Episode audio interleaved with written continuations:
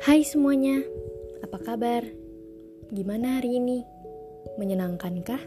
Menyedihkankah? Atau bahkan biasa aja? Hmm, pokoknya apa pun itu, hari esok harus lebih baik dari hari ini ya.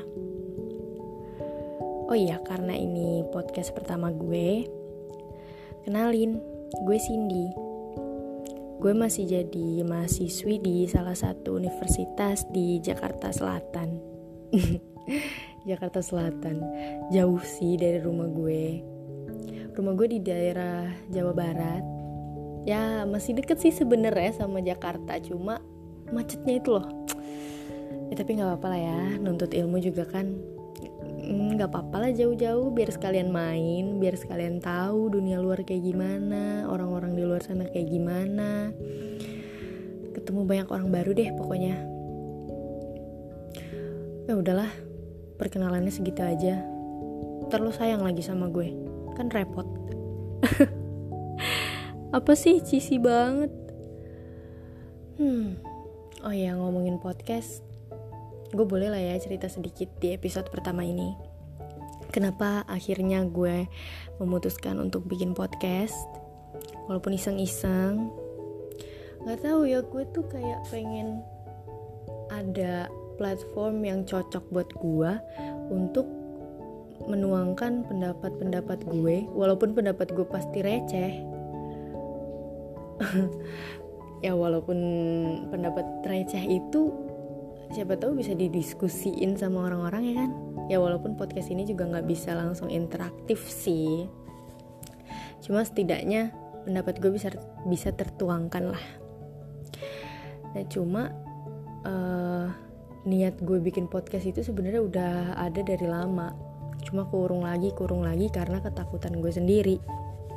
Ketakutan gue ini uh, gue takut kayak pendapat orang lain bakal sama gak ya sama pendapat gue yang gue tuangin di podcast gue ini?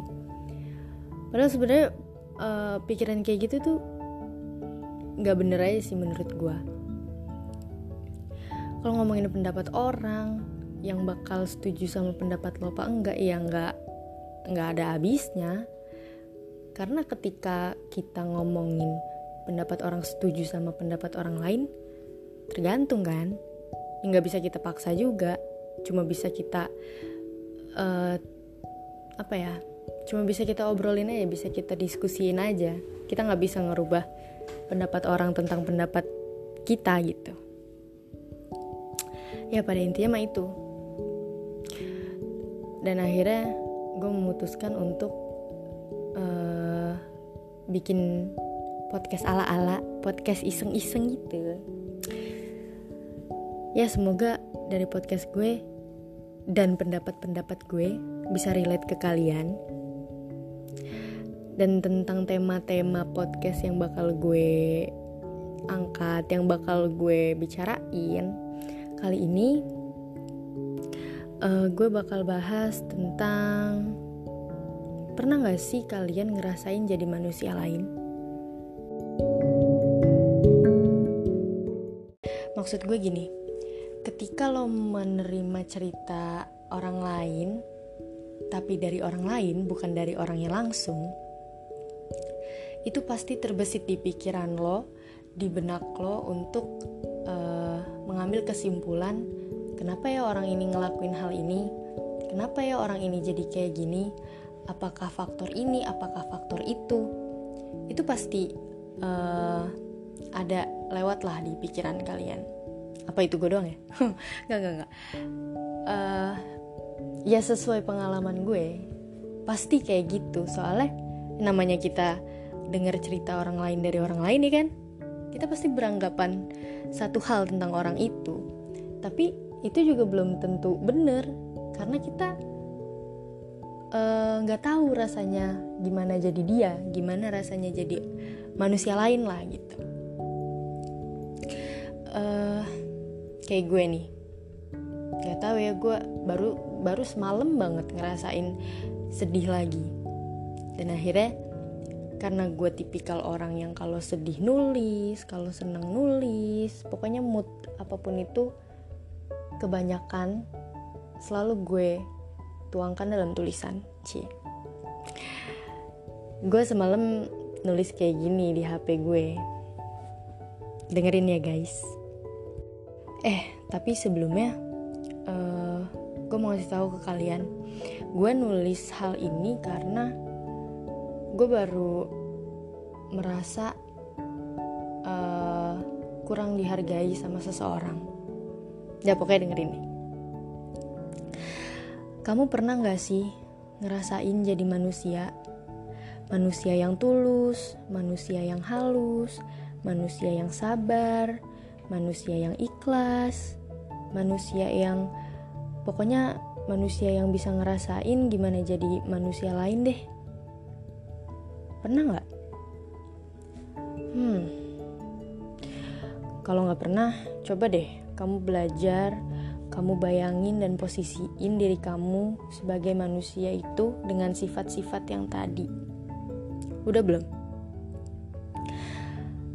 Nah, sekarang udah kamu bayangin dan kamu harus bisa posisiin diri kamu kalau kamu udah berjuang dengan sifat-sifat itu dalam waktu yang sangat lama.